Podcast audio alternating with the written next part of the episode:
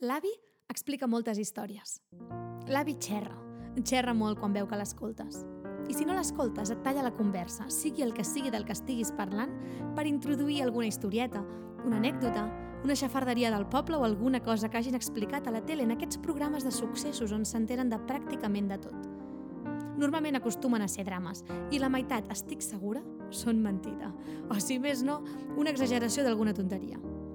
Així doncs, això, sumat al fet que la gent gran tendeix a l'exageració amb gairebé tots els aspectes, no us puc assegurar quines de les històries de l'avi Josep són del tot certes, o quines són totalment mentida, o quines són fruit de la seva imaginació o de la meva, o de l'exageració d'un programa de successos de la televisió. El que sí que us puc assegurar és que són històries que han nascut per ser explicades i per ser escoltades.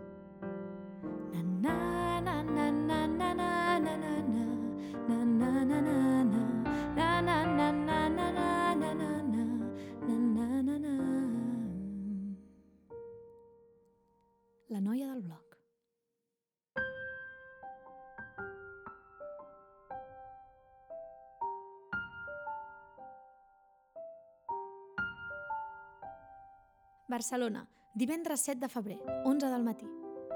Fa estona que parlen però que no es diuen res. Amb prou feines es miren als ulls. L'Àngel i la Núria tenen una conversa d'aquelles d'ascensor, però en aquest cas no és de casualitat. Han arribat per separat, però esperen el mateix.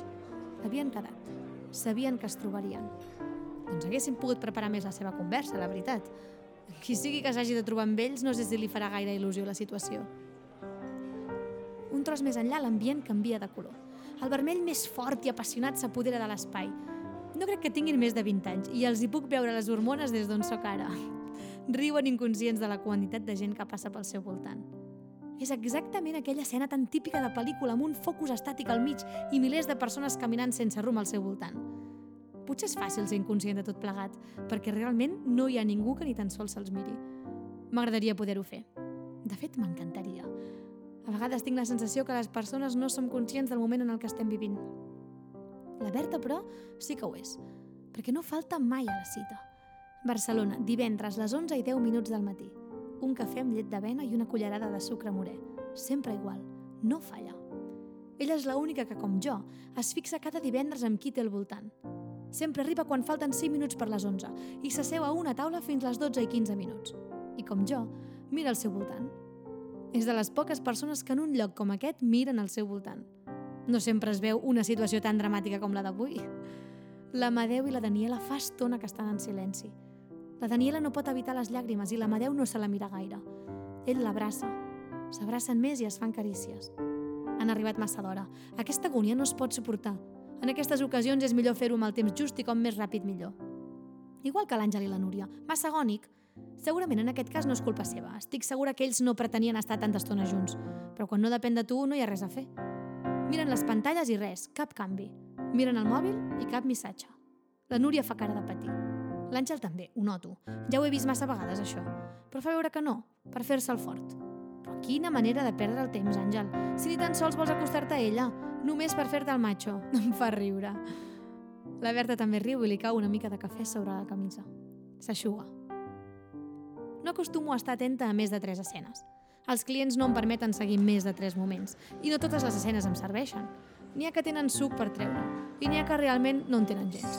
Però hi ha un moment que sempre intento observar. Les portes. M'encanta el moment en què s'obren les portes. És el meu moment preferit. Tothom deixa de fer el que està fent per mirar si per fi ha arribat el moment que estaven esperant. És un moment màgic. Els petits salten per mirar per sobre de la brana. Els adults deixen de mirar el mòbil i miren fins al final de la sala perquè potser, encara no surt, però potser el poden veure al fons de tot. Un moment que fa canviar la cara a tothom. A tothom menys a la Berta. Són les 11 i 20. I fa aquest ritual cada divendres al matí i ni s'immuta. Quan arriba el seu xicot, que diria que es diu Àlex, ve directament cap aquí. Es saluden amb un petó als llavis i marxen. Sense gaire màgia, realment. Potser fa massa temps que fan això. No he aconseguit mai veure quin dia de la setmana es despedeixen i tampoc tinc molt clar quant de temps fa que la Berta ve a fer el cafè al Holy Bread. Per què no s'espera fora amb el cotxe? Almenys s'estalviaria al pàrquing. M'agradaria poder-li preguntar. M'agradaria poder-la conèixer. Crec que hi ha alguna cosa que ens faria connectar. Tinc la sensació que ens coneixem, que, que parlem el mateix idioma. Però és una mica rotllo espia, no? Potser no li mola. No, segur que no li mola. La Daniela ha vingut a comprar una ampolla d'aigua. L'Amadeu l'està esperant amb la jaqueta penjada de la mà. Li dono l'ampolla d'aigua i ell se la guarda a la motxilla. Però, però què fas, Amadeu? Amadeu, que te la faran tirar, però quina tonteria! Que no són pas barates aquí al Holybread, les ampolles d'aigua. La Daniela es mira a la pantalla. És la seva última esperança per no separar-se d'ell. Tant de bo el cancel·lessin, pensa. Però només ho pensa. És el seu somni. El seu somni que no coincideix per res amb el d'ella. Que no són ni tan sols compatibles però és el seu. La Daniela es trenca i s'abraça a l'Amadeu. L'Amadeu, sense ni una sola llàgrima, li diu que no plori. Li aixuga les llàgrimes i li fa un petó. Tot estarà bé, li diu. Clar, el que marxa sempre té l'al·licient de que marxa, però i ella que es queda què, eh, Amadeu? I s'abracen.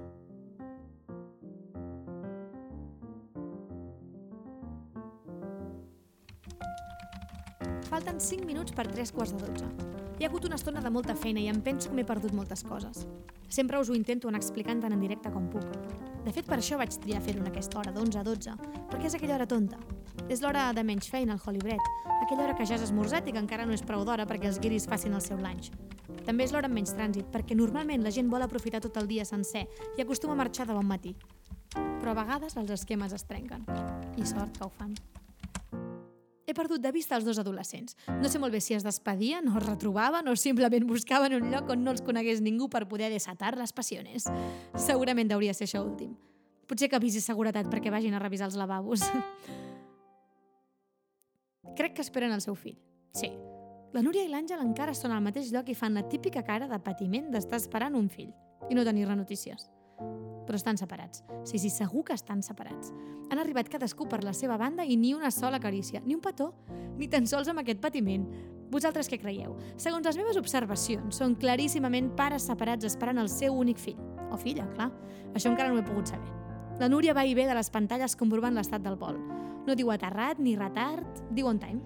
Però fa més de dues hores que s'esperen. Última llamada para los viajeros del vuelo JP250, con destino Roma. Embarquen por puerta 34.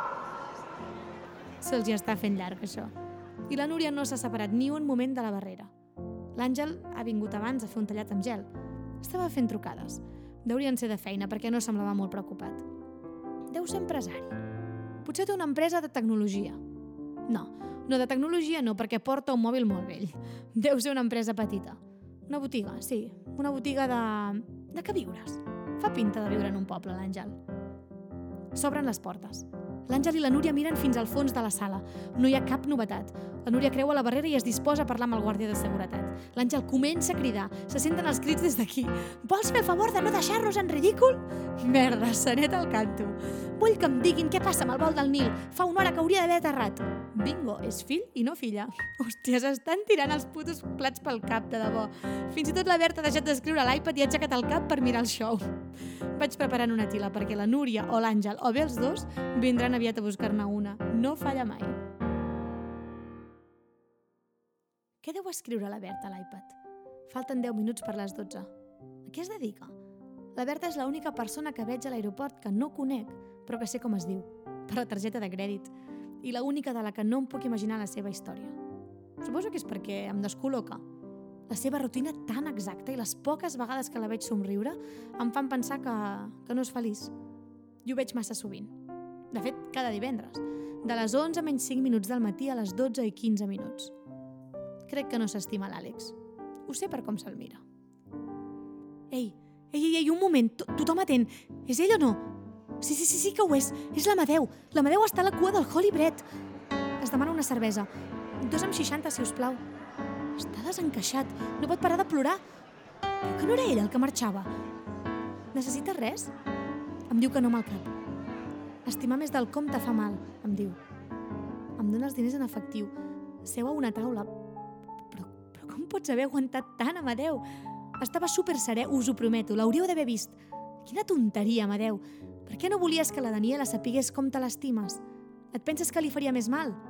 El mal al que li deu haver fet veure que no t'afectava la vostra separació igual que ella. Però quina tonteria és aquesta de no ensenyar el que sentim. Agafa una cullereta de fusta i un sucre. La Núria ha vingut a buscar la tila que ja havia preparat. I se'n torna davant de les portes que no paren d'obrir-se i tancar-se. L'Àngel truca per telèfon una altra vegada, però aquest cop sí que sembla preocupat. Potser està demanant informació del vol del fill. La Núria no se'l mira.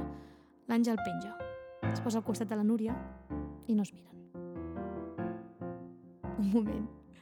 Un moment, l'Àngel li està agafant la mà. No es miren. L'Àngel li diu alguna cosa cau d'orella.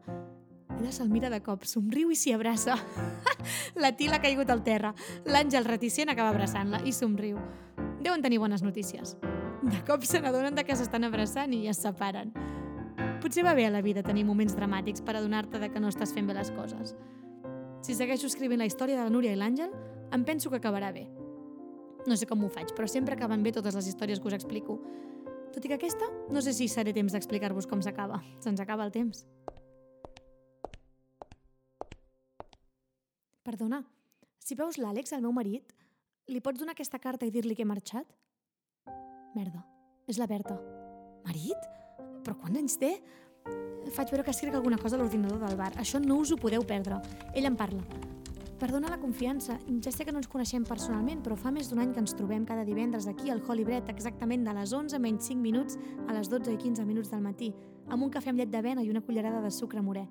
I em sembla que només per això ja ens coneixem una mica bastant. No sé què dir-li. Ella m'allarga la mà amb la carta i jo li agafo la carta. Vols prendre un cafè, li dic? Però em diu que no. Ja són les 12 i 10 i no em vull trobar l'Àlex. Tenies raó. Em somriu. Tenia raó? Qui, jo? Li torno el somriure. Gràcies, noia del bloc. Espero poder-te veure alguna altra vegada. Sort. I es gira per marxar. Per cert, pots llegir la carta si vols. Així podràs acabar d'explicar la meva història als teus seguidors. Els seguidors del bloc es mereixen escoltar-la. I sí, jo també crec que l'Àngel i la Núria estan separats. I no crec que estimar més del compte faci mal. Em poso vermella com un tomàquet. La noia del blog? La Berta llegeix el meu blog mentre espera l'Àlex? Li dic adeu sense gaire dilacions, perquè ella té pressa. No es vol trobar l'Àlex, diu. Però, però per què? La veig desaparèixer entre la multitud de gent que passa per aquí a aquesta hora del matí. Què faig? Falten 5 minuts perquè arribi l'Àlex. Ho tinc. Li dic al meu company que necessito anar al lavabo, que tinc una urgència femenina. Sempre funciona. Tot i que fa cara de sospitar i de voler-me dir per enèsima vegada. Què, una tonteria més del bloc de xafarderies? De històries, maco, de històries. Em tanco el lavabo i obro la carta. Ja fa temps que hi dono voltes. És la por que m'atura així.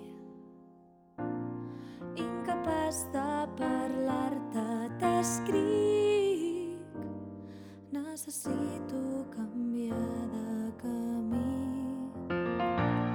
Tens talent amb allò que tu fas. Una màgia especial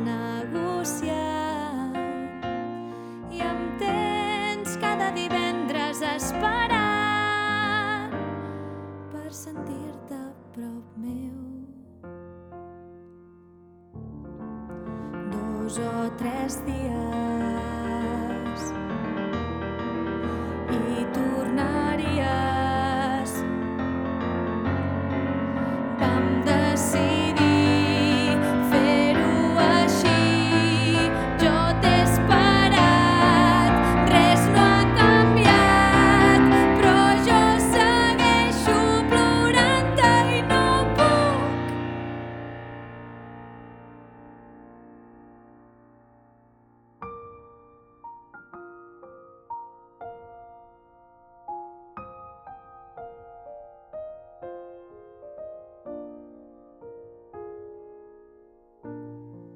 Aquí la Berta d'ahir. Ara surto al carrer diferent. Deixa'm dir-te que he estat inconscient per voler estimar-te més lleugerament.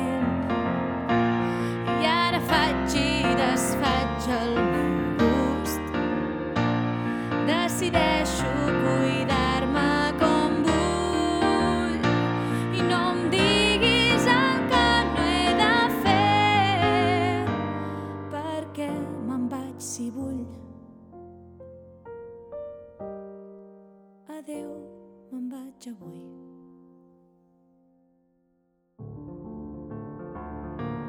Torno a posar la carta dins del sobre. Surto del lavabo. Torno ràpid cap al colibret. Xoco amb la Núria, amb l'Àngel i el seu fill. Al final sí que sabreu com s'acaba la seva història. Arribo al colibret. Comença a formar-se una mica de cua. Ja ha arribat l'hora. El meu company no fa cara d'estar gaire content per la meva absència durant aquesta estona. Perdona, has vist una noia que ve sempre els divendres aquí a aquest bar a esperar-me? Hauria d'estar aquí i no la veig per enlloc.